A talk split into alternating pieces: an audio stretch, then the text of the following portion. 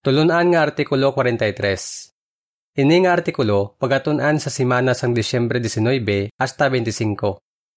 Nagasinggit ang matuod nga kaalam. Teksto nga ginbasihan sini nga artikulo. Ang matuod nga kaalam nagasinggit sa dalan. Nagasinggit man ini sa mga plaza. Hulubaton 1.20 Ambahanon 88 Ipahibalo sa akon ang imo mga dalanon ang binagbinagon sa sini nga artikulo. Mas labaw gid ang kaalam nga halin kay Jehova sang sa kaalam sang kalibutan. Sa sini nga artikulo, binagbinagon naton ang makapahuna-huna nga ginsiling sang libro sang hulubaton. Nagsiling ini nga ang kaalam nagasinggit sa plaza. Binagbinago naton kung paano naton matigayon ang matuod nga kaalam. Kung nga hindi gusto pamatian sang iban, ang kaalam nga halin kay Jehova, kag kung ano ang benepisyo kung pamatian naton ini. Para po uno, pamangkot. Ano ang reaksyon sang madamo nga tawo sa pagsinggit sang kaalam? Sa madamo nga pungsod, makita naton ang aton malipayon nga mga kauturan nga ara sa mga lugar nga madamo sing tawo. Kaginatanyagan nila sa mga publikasyon ang mga nagalabay. Natilawan mo na bala ini nga paagi sang pagbantala? Kung hoo, posible gid nga nahuna-huna mo ang ginsiling sang libro sang hulubaton. Nagsiling ini nga ang kaalam nagasinggit sa plaza para mabatian ini sa mga tawo. Ang hulubaton 1.20 kag 21 nagasiling. Ang matuod nga kaalam nagasinggit sa dalan. Nagasinggit man ini sa mga plaza. Nagapanawag ini sa ginsang-an sang masako nga mga dalan. Nagahambal ini sa mga gawang sang syudad. Mabasa sa Biblia kag sa aton mga publikasyon ang matuod nga kaalam. Ukon ang kaalam nga halin kay Jehova. Ini nga kaalam, amo ang kinahanglan gid sa mga tawo para mabaton nila ang kabuhi nga wala sing katapusan. Nalipay kita kung may nagbaton sang aton mga publikasyon. Pero hindi tanan nga tawo gusto magbaton sini. May pila nga hindi interesado sa Biblia. Ginakadlawan naman kita sang iban. Para sa ila, hindi makabulig ang Biblia kay daan na ini katama. Kag ginapakalain sang iban ang ginatudlo sang Biblia parte sa husto kag sala. Para sa ila, ang mga tawo nga nagasunod sa mga sugo sa Biblia, wala sing kaluoy kag madasig maghusgar sa iban. Pero bangod mahigugmaon si Jehova, padayon siya nga nagahatag sang iya kaalam para sa tanan. Paano niya ini ginahimo? Para po dos, pamangkot. Paano matigayon subong ang matuod nga kaalam? Pero ano ang reaksyon sang kalabanan nga tawo sa sini? Ang isa nga ginagamit ni Jehova para mabatian sa mga tawo ang matuod nga kaalam, amo ang iya pulong, ang Biblia. Matigayon na sang halos tanan nga tawo ini nga libro. Kamusta naman ang aton mga publikasyon nga nabase sa Biblia? Nagapasalamat kid kita sa pagpakamaayo ni Jehova kay matigayon na ini sa sobra isa kalibo kalingwahe. Makabinipisyo gid ang mga nagapamati sa matuod nga kaalam ukon ang mga nagabasa parte sa sini kag nagaaplikar sang ilan na tun-an pero hindi gusto sa kalabanan nga tawo nga pamatian ang matuod nga kaalam. Kung may himuon sila nga mga desisyon, mas nagasalig sila sa ila kaugalingon o kung mas gusto nila pamatian ang ginasiling sang iban nga tawo. Posible nga pagkanubuon pagani nila kita kay ginasunod naton ang Biblia. Binagbinagon sa sini nga artikulo kung nga aamo sini ang reaksyon sa mga tawo. Pero binagbinagon anay naton kung paano naton matigayon ang kaalam nga halin kay Jehova. Ang ihibalo parte kay Jehova, amo ang makahatag sing kaalam. Para po tres pamangkot. Paano naton mapakita nga may matuod kita nga kaalam? Ang kaalam nagapatuhoy sa aton ikasarang nga gamiton ang aton nabalaan para maghimo sang maayo nga mga desisyon. Pero hindi lang amo sini ang ginapatuhuyan sang matuod nga kaalam. Ang Biblia nagasiling, ang kahadlo kay Jehova amo ang unang atikang sa pagtigayon sing kaalam. Kag ang ihibalo tuhoy sa isa nga labing balaan nagahatag sing paghangop. Hulubaton noy bidges. Gani kung may himuon kita nga importante nga desisyon, dapat naton hibaloon ang panguna-una ni Jehova o kung ang hibalo tuhoy sa isa nga labing balaan. Kag diri naton ibase ang aton desisyon. Mahimo naton ini paagi sa pagtuon sa Biblia kag sa mga publikasyon nga nabase sa Biblia. Kung himuon naton ini, ginapakita naton nga may matuod kita nga kaalam. Para po 4 pamangkot. Nga si Jehovah lang ang makahatag sa aton sang matuod nga kaalam. Si Jehovah lang ang makahatag sa aton sang matuod nga kaalam. Nga masiling naton nga siya ang ginahalinan sang kaalam. Una, si Jehovah ang manunuga kag nabalaan niya ang tanan parte sa iya mga tinuga. Ikaduha, makita sa tanan nga ginahimo ni Jehovah nga maalam siya. Ikatlo, nagaresulta gid pirmi sa kayuhan ang maalam nga mga laygay ni Jehovah. Kung gusto naton matigayon ang matuod nga kaalam, dapat naton batunon ining importante nga mga kamatuoran kag dapat kita magpagiya sa sini sa aton mga desisyon kag ginahimo. Para po 5, pamangkot. Ano ang resulta bangod indi magpati ang mga tawo nga si Jehovah lang ang ginahalinan sang matuod nga kaalam? Madamo nga tawo sa kalibutan ang nagadayaw sa matahom nga mga butang nga makita nila sa palibot, pero nagasiling sila nga wala sing manunuga kag nagapati sila sa ebolusyon. May iba naman nga nagasiling nga nagapati sila nga may Dios, pero daan na kuno katama ang ginatudlo sang Biblia kag nagapagusto sila sa ila kabuhi. Ano ang resulta sini nga mga pagpati?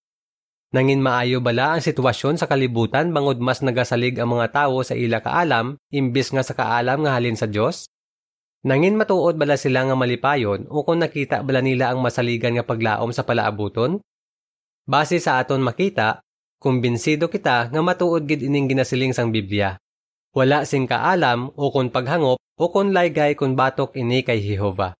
Hulubaton 21.30 Bangod sini, gusto naton nga padayon kita nga hataga ni Jehova sang matuod nga kaalam. Pero makapasubo nga hindi ini gusto sang kalabanan nga tawo. Naa? Kung nga hindi gusto sa mga tawo ang matuod nga kaalam. Para po size pamangkot. Suno sa Hulubaton 1.22 hasta 25, sino ang mga hindi gusto mamati sa matuod nga kaalam? Madamo nga tawo ang hindi gusto mamati kung nagasinggit sa dalan ang matuod nga kaalam. Suno sa Biblia, may tatlo ka grupo sa mga tawo nga hindi gusto sang kaalam. Ang mga kulang sing kinaalam, ang mga nagapangyaguta, kag ang mga buang-buang. Ang hulubaton 1.22 hasta 25 nagasiling. Kamu nga kulang sing kinaalam, tubtubsan o kamu mangin kulang sing kinaalam? Kamu nga nagapangyaguta, tubtubsan o kamo mangyaguta? Kag kamo nga buang-buang, tubtubsan o nga dumtan ninyo ang ihibalo? Pamatii ang akon pagsabdong, kag ibubo ko ang akon espiritu para sa inyo. Ipahibalo ko sa inyo ang akon mga pulong. Bangod sang nagpanawag ako, wala kamo nagpamati. Ginuntay ko ang akon kamot, apang wala sing bisan isa nga nagsapak. Ginsikway ninyo ang tanan ko nga laygay, kag wala ninyo ginbaton ang akon pagsabdong. Binagbinago naton kung nga hindi gusto sini nga mga tawo ang kaalam nga halin sa Dios. Kag kung ano ang himuon naton para hindi naton sila mailog.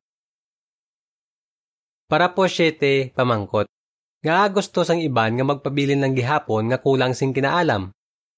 Ang mga kulang sing kinaalam, amo ang mga tawo nga nagapati lang dayon sa tanan nga mabatian nila kag mahapo sila tuntuhon.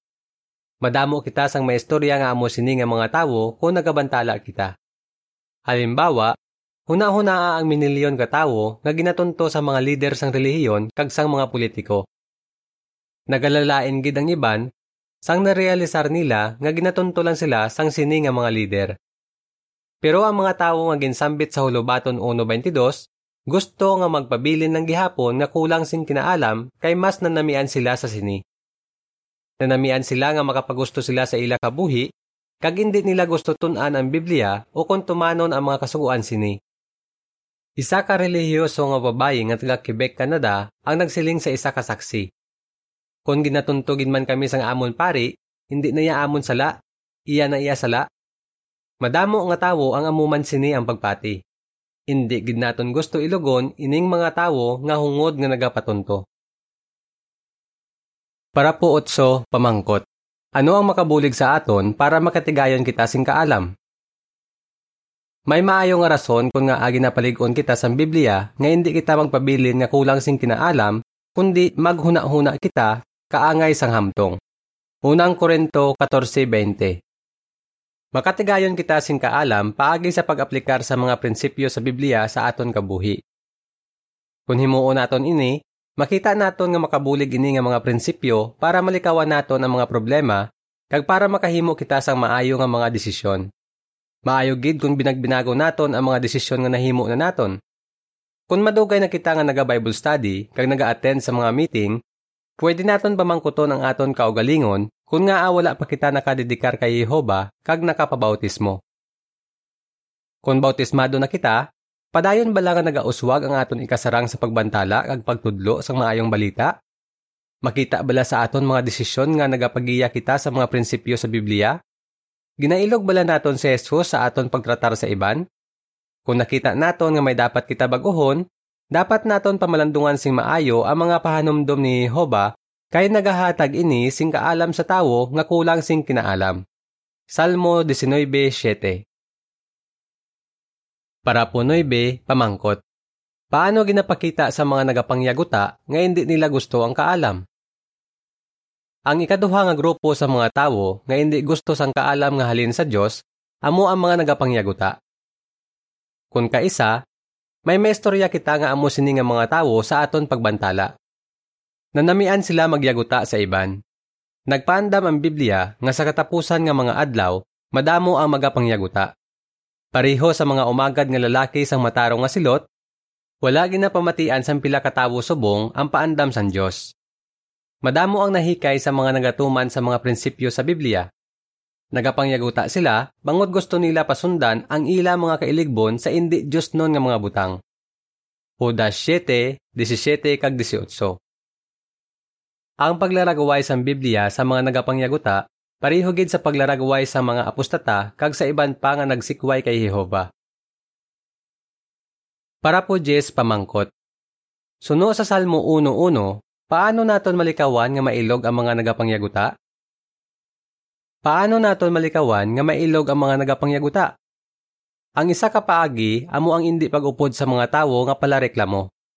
Ang Salmo 1.1 nagasiling, Malipayon ang tawo nga wala nagasunod sa laygay sang malaoton, kag wala nagaupod sa mga makasasala, kag wala nagapungko upod sa mga nagapangyaguta. Buot silingon, hindi naton dapat pagpamatian o kon basahon ang bisan ano nga impormasyon nga halin sa mga apostata. Kabalo kita nga kung hindi kita maghalong, posible nga mangin pala reklamo kita, kag duha-duhaan naton si Jehova kag ang mga instruksyon sang iya organisasyon. Para malikawan naton ini, pamangkoton naton ang aton kaugalingon. Kung may bag-o nga instruction o kung pathag, permi lang bala ako may ginahambal nga negatibo parte sa sini? Permi ko bala ginapangitaan sang sala ang nagapanguna nga mga utod? Kung bag-uho naton dayon ining hindi maayo nga mga pamatasan, malipay sa aton si Jehova. Para poon si pamangkot. Ano ang pagtamod sa mga buang-buang sa mga kasuguan ni Jehova parte sa husto kag sala? Ang ikatlo nga grupo sa mga tawo nga hindi gusto sang kaalam amo ang mga buang-buang. Mga buang-buang sila, mangod wala nila ginasunod ang mga kasuguan sang Dios parte sa husto kag sala. Ginahimo nila kung ano ang sabanta nila nga husto. Ginasikway nila si Jehova nga amo ang ginahalinan sang kaalam. Kung mabantalaan naton sila, masami nga ginapakalain nila kita bangod ginapabaluran naton ang mga kasuguan sang Dios. Pero wala man sila sang masiling kung ano ang mas maayo sang sa mga kasuguan sang Dios. Ang Biblia nagasiling, Para sa buang-buang, hindi matigayon ang matuod nga kaalam. Wala siya sang inughambal sa gawang sang syudad. Hulubaton 24:7. Hindi gid makahatag sing maayo nga laygay ang mga buang-buang. Gani ginapandaman kita sa Biblia nga likawan ang mga buang-buang. Hulubaton 14:7. Para po 12, pamangkot. Ano ang himuon naton para hindi naton mailog ang mga buang-buang? Wala naton ginailog ang mga hindi gusto sang laygay sang Dios. Sa baylo, ginapabaluran naton ang mga kasuguan sang Dios, lakip ang iya mga kasuguan parte sa husto kag sala. Para mas pabaluran pagid naton ini, ikumparar naton ang resulta kung magtuman kita kag ang resulta kung hindi kita magtuman. Obserbahi ang mga problema sa mga tawo nga wala na mati sa maalam nga mga laygay ni Jehova. Dayon, binagbinaga kung daw ano kaayos ang imo kabuhi sang sa ila, bangod gintuman mo ang Dios. Para po 13, pamangkot. Ginapilit bala kita ni Jehova nga tumanon ang iya maalam nga mga laygay? Para sa tanan ang kaalam nga ginahatag ni Jehova. Pero wala niya kita ginapilit nga batunon ini. Pero ginaragway niya ang resulta kung hindi pagpamatian sa mga tao ang iya kaalam. Kung hindi sila magtuman kay Jehova, magaanto sila sa resulta sang ila ginhimo. Hulubaton 1.29 hasta 32 Magaabot ang tion nga magaanto sila sa ila mga problema bangod sang ila paagi sang pagkabuhi. Sa ulihi, laglagon sila ni Jehova. Pero amo ini ang ginpromesa para sa mga nagapamati sa maalam nga mga laygay ni Jehova kag nagaaplikar sini.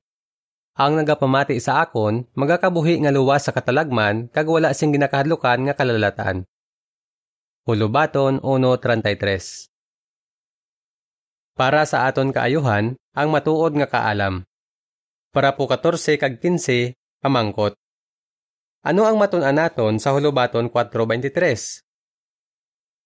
Kung i-aplikar naton ang kaalam nga halin sa Dios, permigid ini nagaresulta sa aton kaayuhan. Ginbinagbinag naton nga ginpaposible ni Jehova nga madali matigayon sa mga tawo ang iya maalam nga mga laygay. Halimbawa, sa libro sang hulubaton, may mga laygay si Jehova nga nagaresulta gid permi sa aton kaayuhan kung i-aplikar naton. Binagbinago naton ang apat sa sini. Amligi ang imo malaragwayon nga tagipusoon. Ang Biblia nagasiling, Labaw sa tanan nga dapat mo bantayan, bantayi ang imo tagipusoon, kay nagahalin sa sini ang mga tuburan sang kabuhi. Hulubaton 4.23 Binagbinaga kung ano ang dapat naton himuon para maamligan ang aton literal nga tagipusoon. Dapat kita magkaon sang masustansya nga mga pagkaon. Mag-exercise kita sing regular kaglikawan naton ang mga bisyo. Daw pareho man sa sini ang ginahimo naton para maamligan ang aton malaragwayon nga tagipusoon. Adlaw-adlaw kita nga nagatuon sang pulong sang Dios. Nagahanda kita para sa mga meeting, naga-attend kita sa sini, kag nagakomento kita. Para mangin aktibo, regular kita nga nagabantala. Kag ginalikawan naton ang bisan ano nga posible makahigko sang aton panghuna-huna. Pareho sang immoral nga mga kalingawan, kag malain nga mga kaopdanan. Ang caption sa picture nagasiling. Kung nagakomento kita sa mga meeting, magabakod ang aton kaangtanan kay Jehova. Para po 16, pamangkot. Nga makabuligid ang hulubaton 23.4 kag 5 sa aton subong. Mangen kontento. Amo ini ang laygay sang Biblia. Hindi ka maghimudos nga magmanggaranon. Kung tulukon mo ang manggad, hindi mo na ini makita kay patod nga magatubo ang mga pakpak sini, kaangay sang agila kag magalupad palayo. Hulubaton 23.4 kag 5. Nagakadula kag nangakaubos ang manggad. Pero pareho ini nga ginahimudusan sa mga manggaranon kag mga imol. Bangod sini, masami nga nagahimo sila sa mga butang nga nagaguba sang ila reputasyon kag sang ila kaangtanan sa iban. Kag nagahalit pagani sa ila lawas. Pero ginabuligan kita sang kaalam nga hindi mabalaka sing sobra parte sa kwarta. Bangod sini, nalikawan naton nga mangin makagod kag nangin kontento kita kag malipayon. Ang caption sang picture nagasiling. Kung wala kita nabalaka sing sobra parte sa kwarta, mangin kontento kita. Para po 17, pamangkot.